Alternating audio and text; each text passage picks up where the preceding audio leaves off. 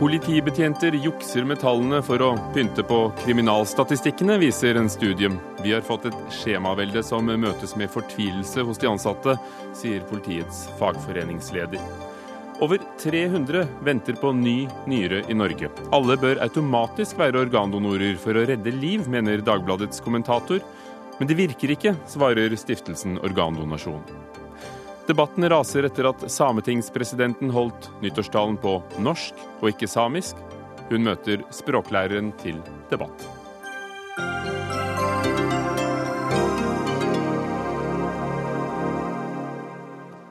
Og det skjer her i Dagsnytt 18 i dag med Ugo Fermariello i studio.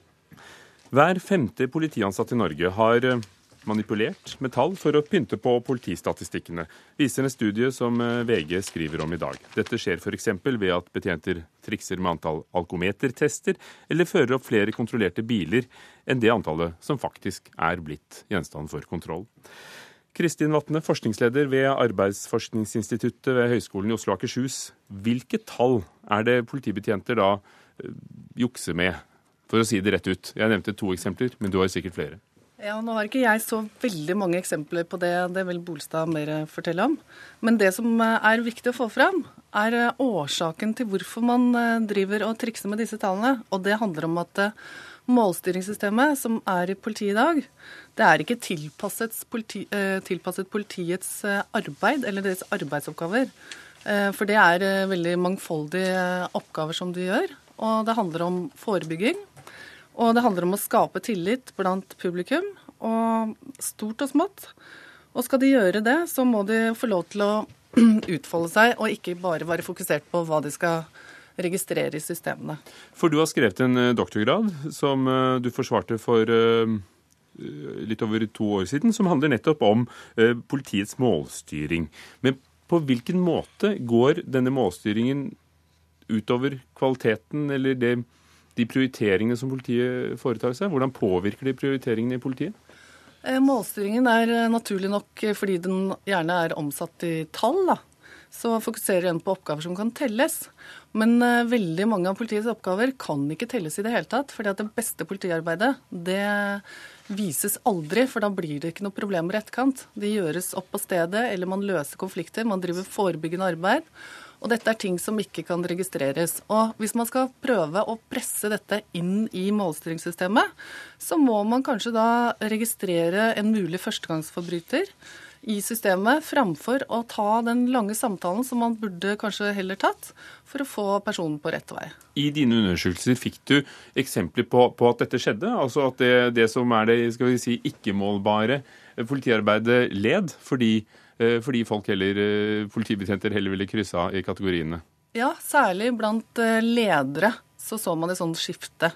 At de som er ute på gata, ordenspolitiet, de er ikke så veldig opptatt av målstyring, egentlig.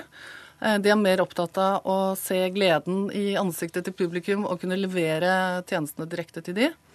Tre av fire politifolk ute, ordenspolitiet, må avvise publikum som de mener at burde få hjelp, Eh, mange ganger i måneden, faktisk. Og det opplever de som verre enn å dra på væpnet oppdrag. Ikke sant? For man begynner i politiet fordi man har lyst til å gjøre en positiv forskjell, og så blir man hindret fordi at det, oppgavene allokeres mot eh, det som kan måles, da. Det som kan telles. Denne undersøkelsen gikk altså til eh, over 8000 medlemmer av Politiets Fellesforbund. Eh, over 2000 svarte, og, og, viste da for tre år siden at 17% hadde pyntet på et tall fra én til flere ganger, eh, mens 4,5% gjorde det helt systematisk. Og, og Kristin Kvigne, direktør for politifagavdelingen i Politidirektoratet. Hva syns du om at såpass mange, i tre av de gamle politidistriktene var det altså over 30% som pyntet på tallene. Hva syns du om at såpass mange gjør det? Eh, vi syns jo at dette er eh, uakseptabelt. Det er uakseptabelt å pynte på tall. Det er uakseptabelt å trikse med tall. Fordi det gir oss også da en uriktig eh, basis på hvilket grunnlag vi skal drive vår ledelse av norsk politi, og yte publikum de tjenestene publikum skal få. Så, så dersom dette er, er riktige tall, så er det en helt uakseptabel praksis. Sigve Bolstad, leder i nettopp Politiets Fellesforbund. Hva er det som måles og rapporteres? Kan du gi oss en kort innføring i det? Ja, altså det som må sies, nå har jo rapporteringa blitt noe eh, mindre eh, de to siste årene, eh, og positivt er det. Men det er tilrettelagte avhør, det er kontroller, det går på restanser, og det går på slike type forhold som det skal rapporteres på. Når det gjelder den undersøkelsen som nå er blitt lagt fram, så er det kort og greit Dette er uaktuelt, kort og greit. Det er ikke positivt at man trikser med tall. For det første så får man en feil virkelighetsbeskrivelse, og slik kan man ikke ha det. Men så må man gå litt bak og se hvorfor blir det sånn. Eh, og de tilbakemeldingene som vi sitter forholdsvis massivt med, det er at det forebyggende arbeidet må lide for rapporteringsrutinene. Det betyr at det som kan rapporteres på, det blir prioritert framfor å jobbe proaktivt og tilstedeværelsen i forhold til publikum. Og det mener vi i Politiets Fellesforbund er negativt. Og Det syns vi også den avhandlinga her viser. Men vil ikke nettopp det, når, når tall blir feilrapportert, gi et uriktig bilde av hva, hva politimenn og -kvinner faktisk bruker tiden sin på? Ja, det, det, som sagt, dette er ikke greit, kort og godt. Jeg har ikke flere kommentarer enn det, men det er forholdsvis klar eh, kommentar. Men poenget også er her gå litt bak og se hvorfor, hvorfor blir det sånn. Altså, Hva er sykdomstegnene her? Eh, det vi registrerer, det er mer og mer New Public Management. altså Mer og mer skal måles. Nå har vi gått fra 54 innom 27 og til 12 politidistrikt.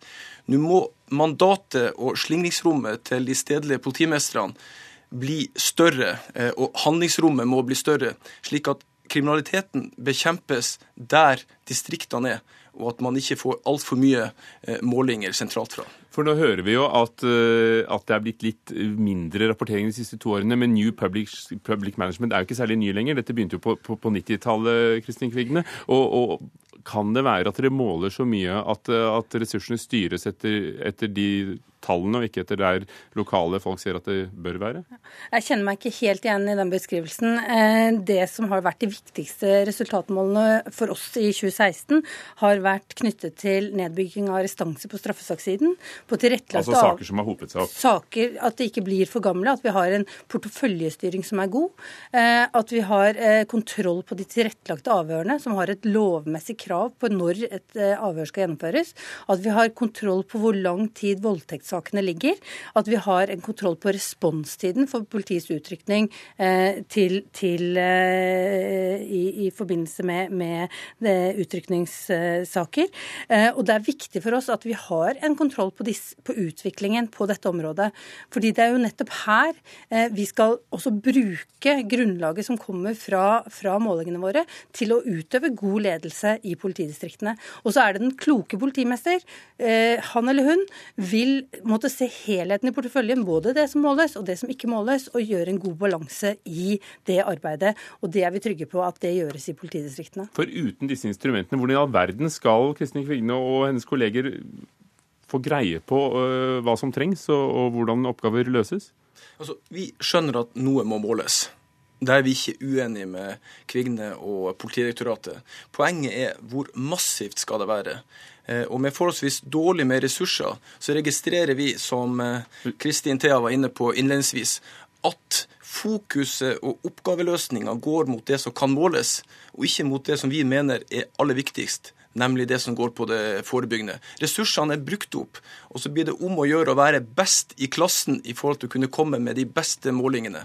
Og det er det som vi er skeptiske til. Dårlig med ressurser kan det jo hende at du synes, men det har vel aldri vært mer penger i politiet eller flere ansatte? Så har ikke oppgavene vært så massive som det, og med innføring av en rekke nye oppgaver og kompleksiteten i forhold til de oppgavene som er, så, så mener vi i alle fall at ressurs ressurstilgangen ikke står i stil med, med de oppgavene som vi har. Men poenget mitt er som sagt hvis det blir for mye målstyring, så blir slingringsrommet i forhold til å utøve ledelse dreid mer over til styring, og det er vi kritiske til. Kristin Vatne, nå er det jo de gamle eh, politidistriktene som gjaldt da du foretok undersøkelsen. Men er det stor, stor, forskjell eh, Hvordan forklarer du den store forskjellen i, i, eh, systematikken i de forskjellige politidistriktene? Altså I noen politidistrikt var det over 30% som systematisk sa de rapporterte feil, andre var det langt færre. Jeg tror det handler om balansen som Borstad var inne på, mellom styring og ledelse. Eh, det er jo noen ledere som nærmest bare tar eh, styringens eh, hånd og trer den nedover. hele distriktet, så å si, og rapporterer oppover igjen hva som da kommer ut. Mens andre ledere bruker jo disse styringsindikatorene til å få med seg de ansatte, til å oversette disse til gode mål som gir mening både for det lokale distriktet, hva som er deres utfordringer, og for eh, politiet i seg selv. De sitter jo og har lang utdanning, de er kjempekompetente. Eh, og de har mye å bidra med i forhold til hvordan disse kan oversettes og gi en god mening for eh, også publikum. De sitter jo helt opp til publikum. Hvordan kan man sitte og, og liksom operasjonalisere måleindikatorene når man sitter langt unna? Det er vanskelig å forstå for meg. Og Nå, nå sier så vidt jeg skjønner, både Vatne og Bolstad at, at det er store forskjeller på hvordan politimestere praktiserer systemene. Er det en jobb dere har å gjøre, å sørge for at det blir gjort likt? og, og og kløktig, da. Ja, og det er jo en jobb vi er i gang med. Og så eh, er Vatnes tall fra 2013, og det har jo skjedd en utvikling både eh, hva gjelder politiets ledelse, og også hvordan man bruker måleindikatorene Var det pga. denne undersøkelsen? Nei, det er ikke pga. denne undersøkelsen. Dette har, har, vært en utvikling, eh, og det er en, en jevn utvikling. Det, vi har en nasjonal ledergruppe nå hvor alle politimesterne sitter inne, hvor det er den samme informasjonen som kommer, og hvor disse tingene diskuteres i hvert eneste møte. hvor hvordan er det man styrer ressursene? Hvordan er det man, man skal oppnå eh, gode resultat? Og jeg har jo lyst til å si at f.eks. på tilrettelagte avhør, som jo kanskje ikke er et område hvor det står altfor mange og roper om, eh, om eh, at det skal være et fokus på det, gjorde de i hvert fall ikke det. For hva er et tilrettelagt avhør? Et tilrettelagt avhør er et avhør av et barn som er utsatt for vold eller overgrep. Eh, det at vi har hatt indikatorer som viser eh, og setter krav til politidistriktene i forhold til når disse skal, skal, eh, skal, eh, gjøres, har jo gjort at man har fått en helt annen bevissthet knyttet til dette kriminalitetsområdet, som har vært nødvendig, og som jeg tror også alle er enige er viktig for eh, tryggheten til barn i Norge. Vil det vært en mulighet at det også gikk an å måle de tingene som vi får beskrevet som mindre, mindre målbare? da, Forebygging, samtaler på gaten? Ja, og dette er jo ting vi ser på. Hvordan vi kan utvikle eh, våre eh, indikatorer og måle eh, sånn at det gir et best mulig eh, eh, Og ikke at vi skal oversvømme politidistriktene med, med indikatorer og målesett måle, eh, heller, men at vi kan få en balanse i dette og se hvordan vi kan også måle forebyggende, forebyggende arbeid. Nå er det veldig vanskelig, fordi det er jo fravær av kriminalitet som vil være effekten av det forebyggende. For, for det er jo en grense hvor, hvor, mye skal måles, og hvor mye skal vi bare stole på at, at jobben gjøres uh, godt? Ja, nå er vi jo inne i en nærpolitireform, eller en politireform som vi eh, kaller det for. Og vi sier at det skal være ett politi. Men nå er det nå engang sånn at man har tolv politidistrikt, og distriktene er ikke like, og kriminalitetsbildet er ikke like. Og vi er for lokal autonomi. Vi er for lokal ledelse, og at man stoler på de dyktige medarbeiderne som er i de eh, tolv distriktene. Tilbakemeldingene som i hvert fall jeg mottar, og det er ganske massivt, det er at muligheten for å jobbe forebyggende og kvalitetssikre i etterkant noe av det som også blir målt, er svært, svært begrensa. Og Sist i dag så fikk jeg tilbakemelding om at når man kjører, delvis når noen kjører patrulje, så må man rett og slett se bort ifra noe kriminalitet som man ser, pga. at det ikke er kapasitet til å følge opp det. F.eks.? Trafikk. Eh, narkotika. Man har sak fra Vest politidistrikt som er forholdsvis eh, fersk, der man får beskjed at når man går inn på noen steder, så skal man lukke øynene for å se på noe type kriminalitet. Det er et ferskt eksempel, og det er ikke bra. Og det var jo den saken vi diskuterte her i Dagsnytt 18 i fjor sommer, eh, Kristin Vatne, med Vest politidistrikt, hvor eh, politifolk ringte nabodistriktet for at de skulle foreta arrestasjonen når, når den de mistenkte satt på bussen. Mm. Ser du det i sammenheng med, med, med skjemaveldet? Ja, jeg ser jo i min studie så er det jo nettopp Vest politidistrikt som har dårligst eh, score på eh, målstyring. Eh, de er minst tatt med når det gjelder å oversette, oversette, målstyringen i virksomhetsplanleggingsprosessen. De blir minst motivert av målstyringen. Og i det hele tatt så virker det som at der er det kanskje litt mer sånn at man trer hele styringen nedover eh, distriktet, framfor at man bruker det på en positiv måte for å få til læring. Men jeg bare tenker på eh, noe som jeg har veldig lyst til å si, eh, er hvordan eh, nettopp dette fokuset på det som kan måles, vrir hele politirollen i eh, en helt annen retning. Bort fra nærpoliti eh, og kvinnen og over til en helt annen størrelse. Og det snakkes ikke om i det hele tatt, så å si. Og jeg tenker også Det som vi ser nå, med denne eh, nærpolitireformen, da lurer jeg på hvordan ville en sentraliseringsreform ha sett ut? Jeg lar deg svare, fra Politidirektoratet. Jeg tenker jo at eh, det å bygge ned straffesaksrestansene, det å ha fokus på voldtektssakenes saksbehandlingstid der, det å ha fokus på tilrettelagte avhør, det å ha fokus på responstid, er også å gi et godt politi, et godt eh, nærpoliti til borgerne. Fordi det er nettopp der man også tar ut effektene. Ser du ingen positive effekter av at denne målstyringen som har vart i noen tiår, har kunnet fått fokus f.eks. på tilrettelagte avhør av barn? Jo. Jo. Og, og, andre områder. Jo, jeg, jeg, har svart. Jeg var på et program her nå klokka fem også. Og da svarte jeg at det ligger selvfølgelig ligger noe positivt. Politiets Fellesforbund var positiv til responsmålinger eh, i, i, i, forhold til utrykning på de mest alvorlige sakene. Så vi har vært positive til det.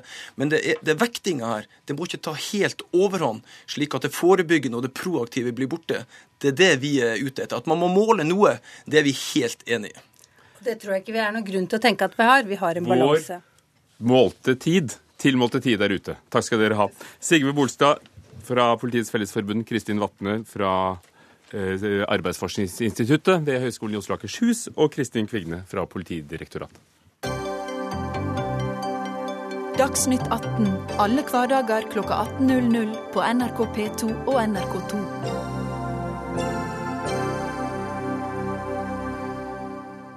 For første gang i år ble nyttårstalen til sametingspresidenten holdt på norsk og ikke samisk. Og det har ført til kraftige reaksjoner. Ikke pga. innholdet i talen, men fordi samenes egen president ikke brukte språket. Og Vibeke Larsen, sametingspresident fra Arbeiderpartiet. Hvorfor holdt du nyttårstalen på norsk og ikke samisk? Ja, god, god ettermiddag. God ettermiddag. Jeg er, jo, jeg er jo som en av veldig mange samene en resultat av en veldig hard og lang fornorskningsprosess har foregått i, i, Norge. Og vi er jo mange som har vokst opp selvfølgelig som samer, men uten eh, språket. Jeg har forståelse for at eh, noen av mitt eget folk eh, er veldig skuffa over eh, at sametingspresidenten ikke holder eh, nyttårstale på, på, samisk. Jeg mener på det er lovt å være skuffa over det. Men det er også eh, da en skuffelse over den politikken som har ført oss frem der vi er i dag. Hvilke reaksjoner har du eh, fått? Vi har fått både positive og negative reaksjoner. Veldig mange positive reaksjoner også, fordi at folk har følt at jeg har inkludert dem på, på en måte. Eh, for selv om ikke jeg prater det samiske språket, så har jeg forståelse av verdien av det som ligger i det samiske språk. Og Det er derfor jeg også har kjempa veldig hardt etter å ta språk tilbake til eh, Altså jeg kan bruke det, men det har jeg ikke greid. Men jeg kjemper også for at mine barn skal bli, kunne bruke samisk språk. Og det, I dag har jeg barn som prater samisk. Mm. Bojena Nilasa Brita Julianne Skum, du er samisk kursholder.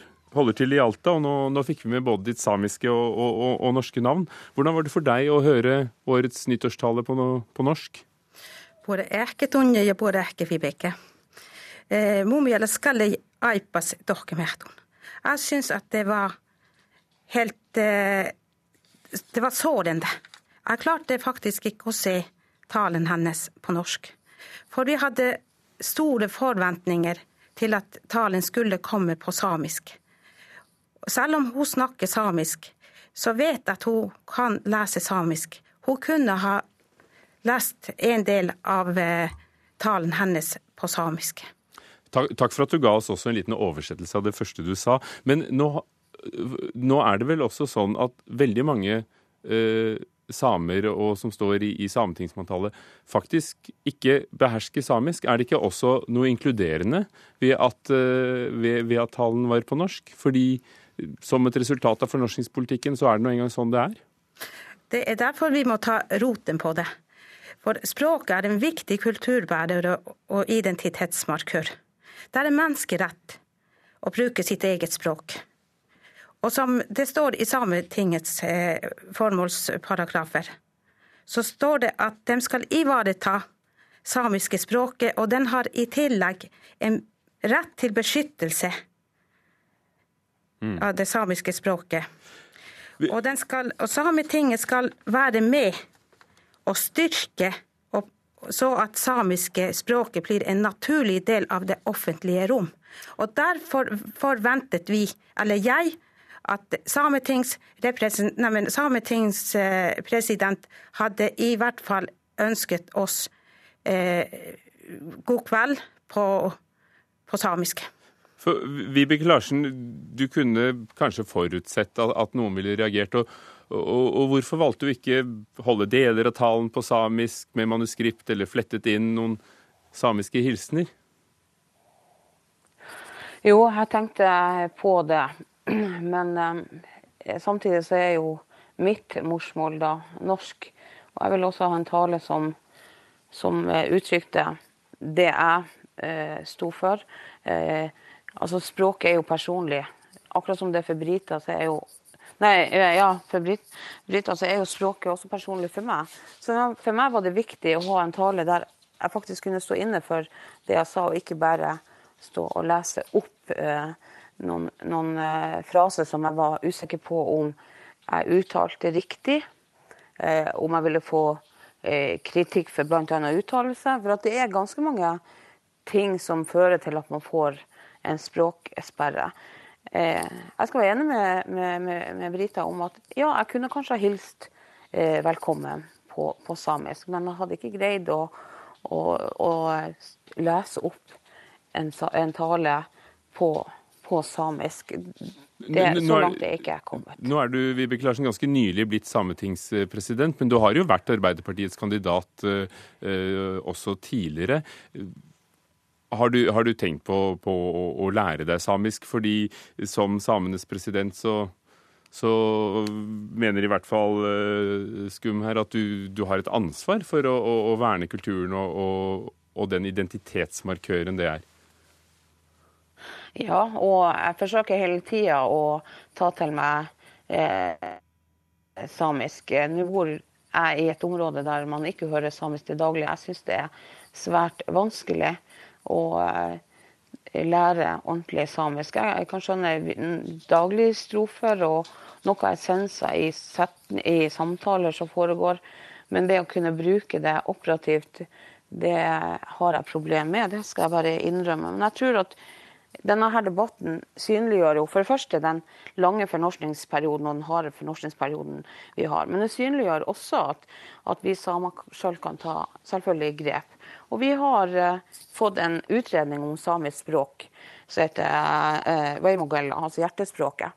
Og den tror jeg nå faktisk viktig at vi forener oss og løfter frem og finner frem til gode løsninger. der vi, Målsettingen må jo være at flest mulig uh, samer blir samiskspråklige eh, språkbærere. Vibeke Larsen, nå er, nå er, og jeg Juliane jeg, jeg, avbryter deg litt nå, fordi eh, da kan vi jo nettopp høre Fordi dere sitter jo en i Alta og en i Narvik og, og en i Oslo, så, så, jeg vil gjerne gi ordet til eh, deg, Brita Juliane Skum. fordi eh, når to tredjedeler av samer ikke behersker norsk, og både norsk og samisk er offisielle språk i Sametinget, kan du kreve samisk? Er det ikke et poeng at, at sånn som Vibeke Larsen uttrykker seg bedre på norsk, som også er et offisielt språk?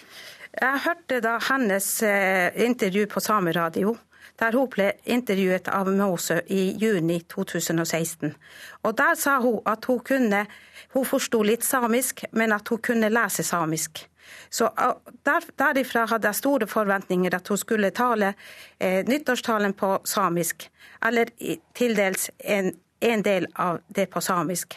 Men, men, men for, for, folk som er ukjent med hvordan fornorskningspolitikken artet seg i praksis, hvordan opplevde du det da du gikk på skolen? Siden du føler eh, sterkt på det fortsatt? Ja, jeg føler det sterkt i og med at jeg er kurslærer. og kurslærer i samisk språk. Og jeg vil at språket mitt skal høres på, altså både i privaten og, på, og i det offentlige rom. Norsk er mitt andre språk. Jeg lærte norsk da jeg var tolv år gammel. Og jeg kan fortelle Da jeg begynte på skolen, så kunne ikke jeg annet språk enn samisk. Norsken kom etter hvert. Og den kom da, Det står enda i min karakterbok at Nå forstår hun Brita Juliane norsk, eller hun, les, hun, forstår hva hun leser i norske bøker, og da er jeg tolv år gammel. Da Sametinget kom, så vi, følte vi oss en stor glede i oss. Det var, vi kunne da glede oss over eh, at det samiske språket og kulturen endelig blir anerkjent. Da så vi at herregud, Verden vil ha oss, verden vil se oss. Vi er blitt, vi, vi er blitt anerkjent som et, som, en, eh, som et folk. Og vi trengte ikke å skamme oss mer over det å være samisk. For jeg kan ikke være noe mer enn det, enn det, enn det jeg er. Vibeke Larsen, hvordan opplevde du fornorskningspolitikken? Nei, eh, vi var jo fornorska flere generasjoner før, før, jeg ble født. Så jeg vokste opp med at i bestemor- og bestefarheimen så prata de samisk seg imellom, men de prata norsk til sine barn og barnebarn. Og det var veldig vanlig i den bygda som jeg vokste opp i. Vi ble definert som lapper når vi for til, til Bjerkvik. Sånn at eh, jeg vokste opp med, med, at samisk språk var noe som man hørte si, i hjemmet, men ikke ute. Så vil jeg bare si til, til Brita jeg tror jo Brita, at, at vi er eh, Vi kommer mye lenger hvis vi forener våre krefter. Eh, og du som samisklærer er jo en kjempenyttig ressurs for det samiske samfunnet. I tillegg til det flertallssamiske om, området som Kautokeino, Karasjok og Tana, der man har mange gode samiskspråklige. Og det å begynne å lære av hverandre og kanskje dra nytte ut av de ressursene som ligger i flertallssamiske områder, og bli bedre på å skolere hverandre. Og inkludere hverandre. For jeg tror ikke vi bygger det samiske samfunnet med å ekskludere hverandre, men å inkludere hverandre og, og, og, hjelpe hverandre. Skum, du får en liten replikk, og så vil jeg gjerne at du skal svare på om samisk er vanskelig å lære seg. Samisken er ikke noe vanskelig å lære seg. Og det at eh, vi ekskluderer ikke samisktalende, det er bare tull. Men det som er at vi forventer at samiske, samiske presidenten skal kunne samisk. Og det, det, er for at hun skal også være president for samisktalende, og ikke for ikke-norsktalende. Takk skal dere ha, begge to. Bojena Nilasa Brita Julianeskum, samisk kursholder som var med fra Alta, og Vibeke Larsen, sametingspresident.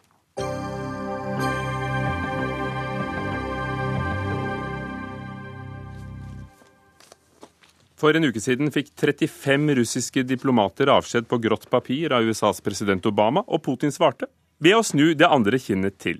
Hvem er vinner, og hvem er taper i det diplomatiske spillet? Det får du vite hvis du hører med, følger med på Dagsnytt 18 her i NRK2 og P2. Men nå skal det handle om vekt og mat og presten. Viser vekten mer nå enn før jul? Her er de beste rådene for å få bort kiloene. Slik går du ned ti kilo på ti uker, og her er treningen som brenner julefettet. Alt dette er overskrifter hentet fra de neste, eh, siste ukene, eh, etter at mange har eh, drevet med feiring av jul, romjul og nyttår. Anette Vingerei Stulen, du er frilansjournalist og, og skrev et debattinnlegg i Aftenposten hvor du reagerer på slankestoffet på nett, i avisene, i ukeblader. Hva, hva er det du, du blir opprørt av? Det som fikk meg til å reagere, var vel at jeg har eh, snakket med mange i julen som sliter med mat, og at jeg tenker at etter å ha kost seg i julen, så er det siste man trenger kanskje dårlig samvittighet rett etterpå. Eh, og så reagerer jeg jo ikke bare nå, men generelt på slanke- og treningsnyheter i avisene. Fordi jeg mener egentlig at de ikke har noe der å gjøre. Mm. Men hvem er du bekymret over at kan ta skade av skal vi kalle det slankejournalistikk?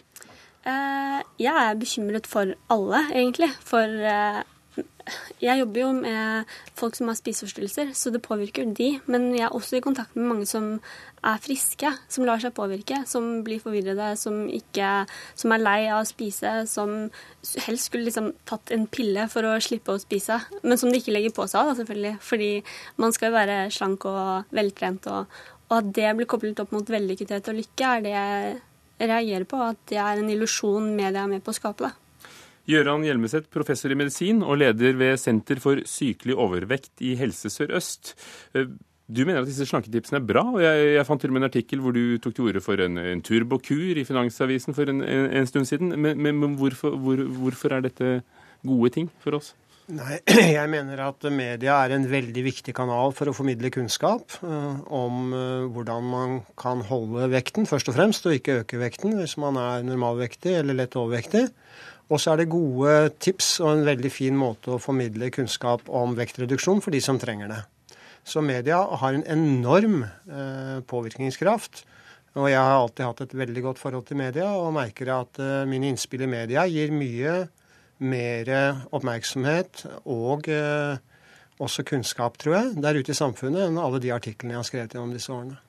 Men er det virkelig, og nå har vi ikke noen redaktører til stede her, men er det virkelig eh, faktaene under en overskrift som her, her er treningen som brenner i julefettet, eh, og slik går det under ti kilo på ti uker, som gir den informasjonen folk trenger for å ha et sunt, stabilt kosthold? Eh, nå er det jo slik at noen media trenger eh, å reklamere for det de skal selge, mens andre media når frem uten den slags overskrifter. Men de fleste media bruker headinger som skaper oppmerksomhet, ellers så gidder ikke folk å lese det. Hvis du bare leser overskriftene, lærer du ingenting. Men hvis du leser innholdet, f.eks. i A-magasinet nå like før helgen, så kan du få balanserte og gode reportasjer som er eh, god kunnskapsformidling. For det er vel mange Anette i stolen som har glede av tipsene, og, og, og, og, som føler at de trenger det? Eh, det er mange som føler at de trenger det. Det er det absolutt. Eh, om de er nyttige, om de virker, er jo en helt annen eh, diskusjon.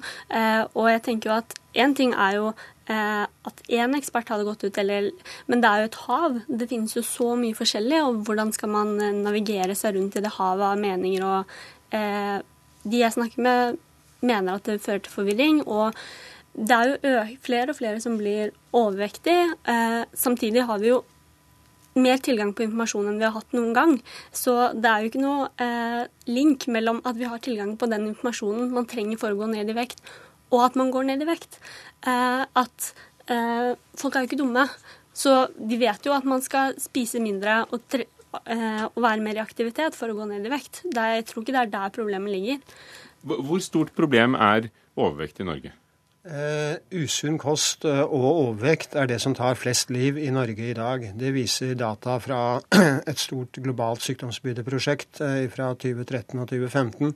Så det er et veldig stort problem.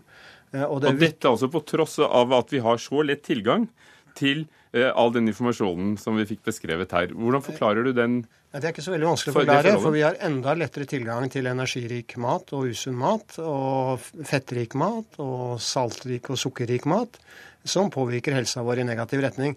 Så de som er disponert for overvekt og fedme, de kan veldig lett bli overvektige og, fedme i vårt, overvektige og ha, få fedme i vårt fedmedisponerende samfunn.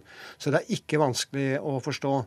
Men det er klart at folk vet mye, og det er mange eksperter. Eh, problemet er å prøve å velge ut kanskje de mest seriøse av ekspertene. Det fins heldigvis flere enn meg. Men jeg er en av de som jeg mener eh, har en viss seriøsitet i de rådene jeg gir. Andre som man plukker opp på gata nærmest, de kan man kanskje lytte mindre til. Enhver blogger kan jo være såkalt ekspert, men er jo ikke ekspert nødvendigvis. Og Det er vel det jeg mener er problemet, at folk klarer ikke skille. Fordi mange gir seg kanskje også ut for å være mer eksperter enn det de er. At det er vanskelig å eh, finne det skillet i mediene. Og jeg tenker jo egentlig at det ikke er medienes rolle i det hele tatt å gi disse rådene. For jeg tenker at det er helsepersonell som burde gjøre det. Samme måte som hvis du brekker beinet, så skriver ikke avisene 'slik gipser du beinet ditt best'. Så hvis det er for å gå ned i vekt for en helsegevinst, så burde man oppsøke de stedene som helsevesenet, som leger, som kan om det, da. Du, du, har sittet bl.a. som frivillig og arbeidet for Spiseforstyrrelsesforeningen. Ja. Eh, og, og, besvart telefonen der. Hva sier folk til deg? Eh, ja, sånn som julen har det ringt mange som er syke selv, men også mange pårørende.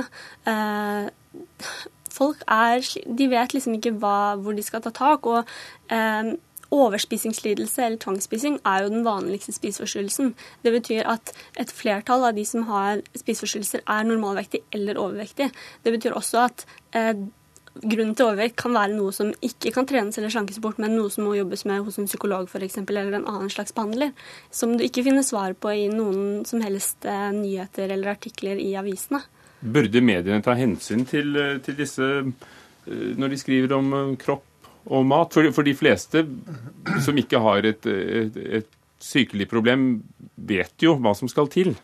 Uh, ja, uh, Svaret på det første er at ja, mediene bør ta hensyn til det. Uh, og ta hensyn til de som er sårbare, og det er heldigvis relativt få. For de få sårbare som kan ta skade av denne type informasjon, de kan ha alvorlige spiseforstyrrelser. Men de kunne kanskje utvikle spiseforstyrrelser uansett. Mens de som ikke er så sårbare, de påvirkes ikke negativt av denne informasjonen, og de trenger den informasjonen. Et eksempel på slik informasjon som folk vet veldig lite om, er jo nettopp at julehøytiden, eh, som man nå har vært igjennom, det er da de fleste går opp de 1-2 kiloene som man går opp gjennomsnittlig hvert år. Så hvis man husker det før neste julehøytid, og lærer det f.eks. gjennom media, eh, så kan man kanskje unngå vektøkning. Og det er helt klart at... Men så finnes det noen da, som, som påvirkes negativt. Ja, og den risikoen mener jeg man må være villig til å ta. Og så får man heller jobbe uh, for å hjelpe de som er sårbare. Men uh, det som er helt sikkert, er at media har en veldig viktig rolle i kunns all kunnskapsformidling, og inkludert det å forebygge overvekt og behandle fedme. En kalkulert risiko i folkeopplysningens navn? Jeg er uenig, fordi det er ikke bare de som har en spiseforstyrrelse som, eh, som berøres av det. Det er 90% av vestlige kvinner ønsker å forandre på utseendet sitt, og jeg tenker at media må ta noe av den skylden. Det er de som presser på med tips om slanking og om å forandre kroppen hvordan man vil. Takk skal dere ha, begge to. Anette Vingereid Stulen, som skrev om dette i en kronikk i Aftenposten, og frilansjournalist, og Gøran Hjelmeset, lege og professor ved Senter for sykelig overvekt i Helse Sør-Øst.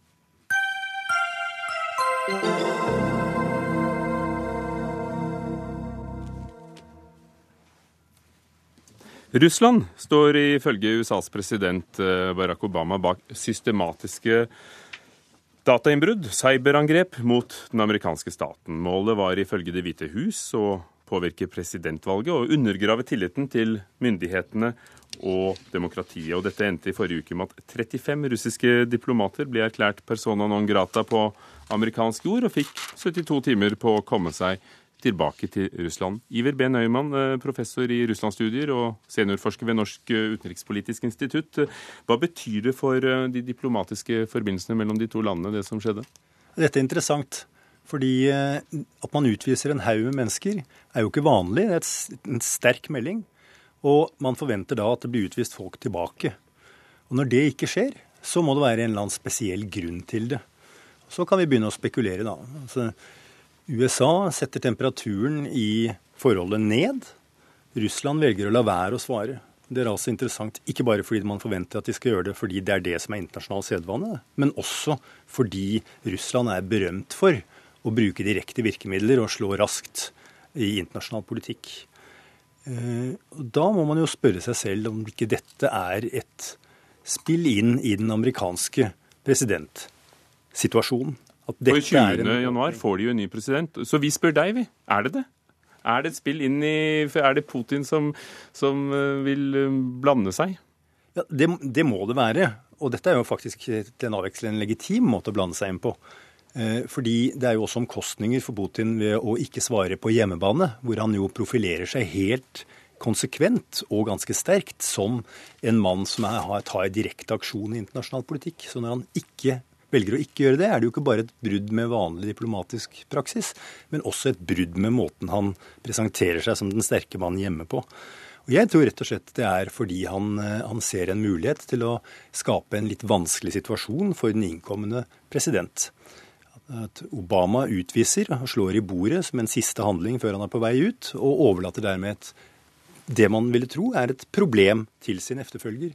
Og eh, så velger altså Putin å samle glødende kull på, på, hodet til amerikanerne, som det står i Bibelen. Altså gjøre noe som, som, som eh, man forventer. At, eh, altså, når man forventer at noen gjør noe gærent eller noe, noe direkte, noe ubehagelig, og så gjør de noe snilt isteden, noe greit isteden, altså i dette tilfellet av, avstår fra å, utvise diplomater, så ja, har man jo lagt ballen over på amerikanernes side. Det er en forventning om at amerikanerne skal gjøre noe hyggelig tilbake den nye presidenten f.eks. skal oppheve sanksjonene, da, for å ta et eksempel. Mm. Tove Bjørgaas, vår korrespondent i, Washington. Eh, USAs etterretning har jo altså konkludert med at Russland sto bak uh, datainnbruddet her, uh, både av Det demokratiske partiet under valgkampen og, andre, og at målet var å påvirke valget. Men aller først, hva, hva vites om, om, hvem og hva som er blitt utsatt for innbrudd? Det eh, amerikanerne lenge har visst, det er at russerne har forsøkt å hacke seg inn på de ikke hemmeligstemplede delene av e-postserverne i de amerikanske myndighetene. Og det som skjedde, det var altså at eh, før sommerferien så ble Det demokratiske partiets eh, sentraladministrasjon utkalt for såkalt utsatt for såkalt phishing, som det heter. Altså at noen av de som jobbet der, fikk en e-post som så ufarlig nok ut. Så klikket de på en lenke i den e-posten. Dette er sikkert mange som har opplevd å få slike e-poster hjemme også. Og når de da klikket på den lenken, så fikk da en russisk hackergruppe som er kjent for amerikanerne, som kalles The Dukes, en tilgang til da veldig mye opplysninger og e-postserverne til en, en, rekke personer som jobbet i disse, eh, i disse byråene. Og så pågikk jo da dette over en lang periode. FBI gjorde Demokratiske partier oppmerksom på dette i sommer, men det ble altså da ikke tatt uh, affære. Eh, og så så vi hva som skjedde da i, i, i innspurten av valgkampen, da store mengder e-post da ble lekket til Wikileaks fra eh, disse eh, russiske kildene, mener CA senere at man har kunnet bevise, og at det da kom fra dette hackerangrepet. Og så er jo det spesielle at Trump da ikke, ikke, tror på sin egen etterretning. I hvert fall er det det han sier. Hvilke reaksjoner skaper det? Det er jo en helt historisk situasjon at en innkommende president ikke da gir inntrykk av at han ikke stoler på etterretningen han snart skal Eh, være veldig avhengig av. Og som Neumann sier her, så er det jo nettopp det er på en måte det han da gir russerne tilbake nå, og si at hvordan kan vi vite at dette faktisk har skjedd? Trumps innkommende pressetalsmann Sean Spicer var altså på TV her i helga og, og sa at han mente at kanskje deler av straffereaksjonen fra Obama var en overreaksjon. og denne utvisningen bl.a. de økonomiske sanksjonene. Men det er klart at, at Trump er jo da under et, et press her. Eh, for han skal jo nå snart over, over, overta dette her. Og, og, en sånn mistillit til, til, CIA og andre etterretningsorganer fra en innkommende president har vi ikke sett før i USA. Mm. Kirsti Stuvøy, førsteamanuensis ved Norges miljø- og biovitenskapelige universitet, eh, NMBU. Eh, hva vil du si at, at utvisningen av de russiske diplomatene og anklagene om datainnbrudd betyr for russerne? Ja, jeg tenker at uh, først og fremst at det er interessant, sånn som, uh, som man sier at dette er et brudd uh, med, med, vanlig diplomatisk praksis. hva det betyr for Russland og russisk politikk, tenker jeg at først og fremst er fokus på i Russland også på at dette er, er trøbbel. I USA at det er kanskje Eh, nettopp da betydningen i politikk, nei, unnskyld, i amerikansk politikk som er, eh, som er mest eh, interessant her. Og det er jo det, her også litt flaut, kanskje, for Obama, det som skjer. Og at Trump river ned altså denne, dette renommeet man, man, man, bygger denne påstanden på. Det USA, når de sier at dette er, er at, denne, at, dette er sant, det som har skjedd. Så jeg tenker at i Russland så har det i første omgang ingen skade eh, på, på Putin. Og, ofte så, så, er det sånn at russisk utenrikspolitikk forklares med et litt sånn forenkla fokus på, på, president Putin. Og i denne sammenheng så er det jo vært en tendens at han har blitt genierklært. Eh, men at eh, vi kan se litt breiere på maktgrunnlaget til Putin. For å se hva det er som former russisk russisk utenrikspolitikk, og ikke ha dette ensidige fokuset på Putin. Og da kommer det jo Det er et apparat, en, en bjørn, i, i det populære bildebruk bak, som, som ikke vil gjengjelde dette? Eh, ja, eh, det, det, kan jo, det, kan jo, det er kanskje et godt spørsmål. Altså det som vi i hvert fall har, er jo at Putin um, har en elite rundt seg. Og en annen viktig moment i hvordan russisk utenrikspolitisk politikk forhold, for, formes, er jo forholdet mellom stat og sivilsamfunn. Og at det da er spørsmål om legitimitet og legitimiteten til Putin som er knyttes til dette utenrikspolitiske sprellet som han her har gjort.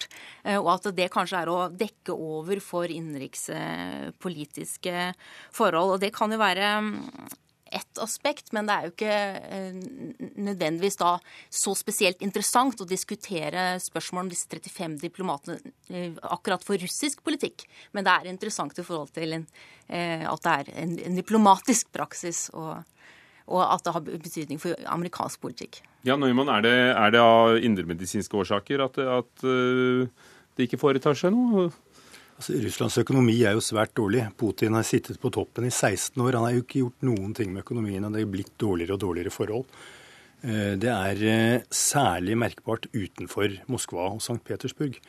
Så eh, disse sanksjonene fra Vesten, som Russland offisielt sier ikke sliter i, de er en belastning, fordi det er en tomme på en lang nese, en økonomisk utfordring. Så det er klart at alt som kan gjenopprette et godt forhold til Vesten, vil ikke minst økonomisk være bra for Russland. Og der ser man jo Trump som en, eh, altså Trump som en mulighet. ikke sant? For sanksjonene fra USA, EU og Norge kom jo etter uh, annekteringen av Krimhalvøya fra, fra, Ukraina. Ja, og den vil ikke Russland gjøre noe med, så vi må finne en annen måte å komme Vesten i møte på da.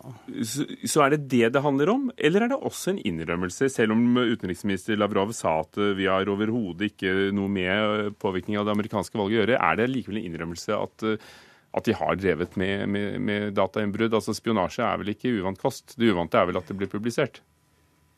Altså, Spionasje er en helt vanlig dagligdags ting i internasjonal politikk. Det er jo ikke så lenge siden USA, under selvsamme president Obama, ble tatt med buksene nede for å spionere på europeiske land. Så det er jo ikke noen grunn til å sette seg enormt på sin høye hest her. Men det er en, en del forskjeller når det gjelder metoder. Russernes eh, sterke bruk av det som på fagspråk heter desinformasjon. Altså at man driver og, og har store mengder mennesker i arbeid med å plassere falsk informasjon, driver med hacking, altså og regner dette som vanlige utenrikspolitiske virkemidler, er annerledes. Men, eh, men, men de har ikke eh, innrømmet det ved å ikke gjengjelde utvisningen? Det er det. Altså, jeg vil absolutt si nei til det. Altså, fordi det er ikke noe del av den internasjonale spilleregelen at man innrømmer spionasje. Finner ikke eksempler på det. Gjør ikke det, vet du. Tove Bjørgaas, hva, sier eh, amerikanere offisielt eh, om at det ikke ble den reaksjonen som alle ventet seg, at nå, nå kommer det et eller annet svar fra Moskva? Nei, Det er mange som kritiserer Obama også nå og mener at disse sanksjonene ikke vil være spesielt eh, effektive. Og at som sagt, ved at det ikke kommer noen motreaksjon, så viser russerne også at de ikke syns dette er så veldig dramatisk. Men det er klart det alle er opptatt av nå, det er hva som vil skje etter 20.1, og hva slags forhold eh, Donald Trump vil opprette da til Vladimir Putin. Mange langt inn i det demokratiske partiet synes at vært, eh, altså for, at forholdet mellom Putin og Obama har, har vært til, til, skade for USA, eh, også i internasjonal politikk, fordi det har vært så dårlig. Vi vet jo også at eh, Putin hadde et dårlig forhold til Hillary Clinton. Det er jo også en kanskje ja, motivasjonsfaktor her. Eh, men, men eh, hva som, hva, hvordan Trump vil håndtere dette når han blir president, hvilken rolle utenriksministeren hans, eh, Rex Tillerson, som altså har nære bånd både til Putin og, og, russerne, vil spille, og hva de da eventuelt vil gjøre med, med, med videre sanksjoner etter at han overtar, det er kanskje akkurat nå, men jeg med verdenssituasjonen det største spørsmålet vi står overfor i de første ukene av den nye administrasjonen.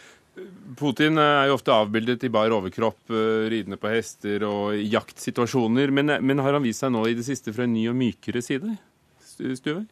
Eh, nei, det, det vil, jeg, vil, jeg, ikke si. Jeg tror han har flere sånne sider. Og jeg er ikke sikker på at uh, bak disse sånne enkelte hendelser som, uh, som, dette her, at det er en sånn stor, stor masterplan. Han har vist seg å kunne være altså, At han har reagert taktisk i, i, en, i, en, i, en, viss situasjon hvor det er enorm usikkerhet, som, som, som Bjørgaas også er inne på her. At det er mistenksomhet i forholdet som faktisk gjør at det er veldig uforutsigbart hvordan dette vil, vil utvikle seg videre. Og det vil komme flere sånne da, være mulig å komme flere sånne krumspring fra Putin. Eh, nei, men Obama har jo varslet eh, at det er andre represalier også som han ikke kan fortelle oss i, i, befolkningen om. Men hva annet kan han gjøre? Og, og mister det litt av, av sin kraft nå som uh, Putin tilsynelatende ikke reagerer? Har jo ikke så voldsomt mye tid å gjøre det på. Men det foregår saker og ting på cyberområdet som vi ikke vet noe om. Og det er jo flere måneder siden det ble sagt fra amerikansk hold at her vil man gjengjelde. Så det foregår. Men det jeg syns er aller mest uh, graverende ved situasjonen nå, det er jo at, uh, at uh, Donald Trump sender signaler om at han skal føre en utenrikspolitikk hvor han gir bengen i forhold til Det demokratiske partiet, gir bengen i forhold til efterretningen. Altså Det er et mål for ethvert land som vil drive en, en effektiv utenrikspolitikk, å ha en forholdsvis samlet front. Og Putin gjør altså her et poeng av å fremmedgjøre og ikke jobbe sammen med andre deler av det amerikanske samfunnet. Og dette kan jo, dette kan jo gå ad undas. Og, og, og Tove Bjørgaas vil, eh, vil eh, Trump kunne se bort fra annekteringen av Krimhalvøya og, og lempe på sanksjonene bare fordi de reagerer mildt på dette her? Eh, de fleste her tror jo at, at, når det gjelder Krim, så vil, ikke, så vil, så vil altså Russland få en mye lettere situasjon under, under Trump. Eh, at Ukraina ikke vil være en sak de neste eh, årene. Eh, men som sagt, jeg tror det er for tidlig. Det er så uforutsigbart eh, dette nå at det er veldig vanskelig å si hva han kommer til eh, å gjøre. Men det vi også vet, det er at amerikanere det, altså det de først og fremst har fryktet, er jo ikke et hackerangrep på et parti, men f.eks. at noen skulle hacke seg inn på elektrisitetssystemet, eh, transportsystemet her. Og man har altså da funnet en eh, laptop eh, knyttet til eh, elektrisitetsforsyningen i delstaten Vermont. Eh, der noe av det samme programvaren, altså noe av, denne, altså disse samme dataverktøyene som kommer ut av denne hackingen, er blitt funnet. Så nå undersøker man i en rekke delstater, spesielt langs østkysten, om det kan ha vært planer om å, å forsøke å lamme elektrisitetsforsyningen også i USA. De, den typen cyberterrorisme er jo det USA er aller mest uh, redde for. Og det er klart at heller ikke Donald Trump kan jo være sikker på at ikke man skal bli rammet av noe slikt. Så som sagt, den Vi får se hva han sier når han, få, ja. når han, kommer inn i Det hvite hus 20.1. Takk skal dere ha alle sammen. Tove Bjørgaas fra Washington, Kirsti Stuvøy fra NMBU og IVB Neumann, professor i russlandsstudier. Hør Dagsnytt 18 når du vil. Radio NRK Radio.nrk.no.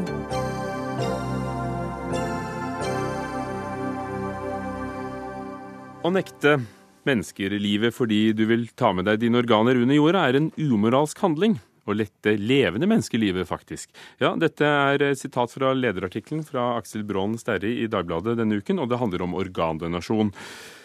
Kommentator Aksel Braan Sterri, hvorfor er det umoralsk. Det er et valg man selv mm. kan gjøre. Altså jeg bare tenker at Hvis vi eh, ser på både den som gir og den som mottar eh, organene, så virker det som ganske enkel kalkyle for min del. Altså Den som eh, kan gi, eventuelt da ta med seg organene eh, under jorda, så de råtner, eh, eller du kan gi det bort til noen som kan overleve, så virker det som en, en nettopp enkel, eh, enkelt moralsk mattestykke å gjøre. Så jeg tror hvis du bare kan sette deg inn i den andre sted, eh, og vurdere at du kanskje står der i den organkøen, så virker det iallfall som en ganske enkel avgjørelse. Og du tar jo til orde for å endre systemet. Hvordan vil du ha det? Ja, eh, Sånn som i dag, så er det slik at du eh, må aktivt registrere deg for å bli organdonor.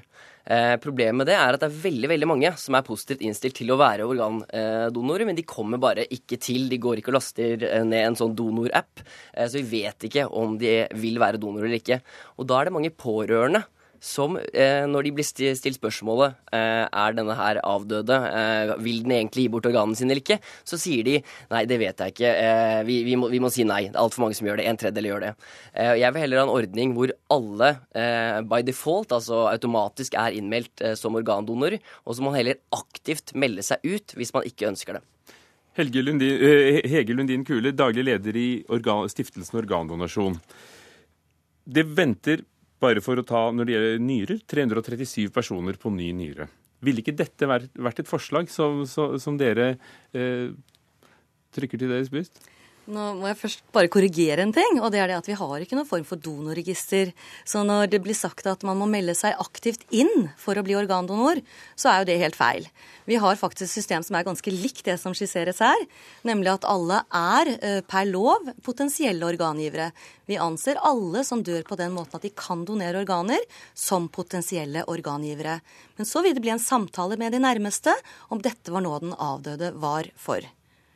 Men hvorfor har de så mye de skal ha sagt, da, hvis, hvis, loven i utgangspunktet anser alle som donorer? Jeg tror vi må huske rammen rundt en organdonasjon. Og det er veldig lett, hvis tallene kanskje ikke er så bra, å rope ut etter systemer.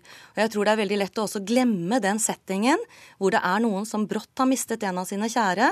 De har kanskje fulgt den noen dager gjennom operasjoner, og livet står riktig å redde. Dette er pårørende i dyp krise, i sjokk og at de kan omgås på noen måte ved at man skal si at denne personen han er, han er ikke registrert i nærregister, så vi skal bare ta organene. Det vil være totalt uetisk, mener vi.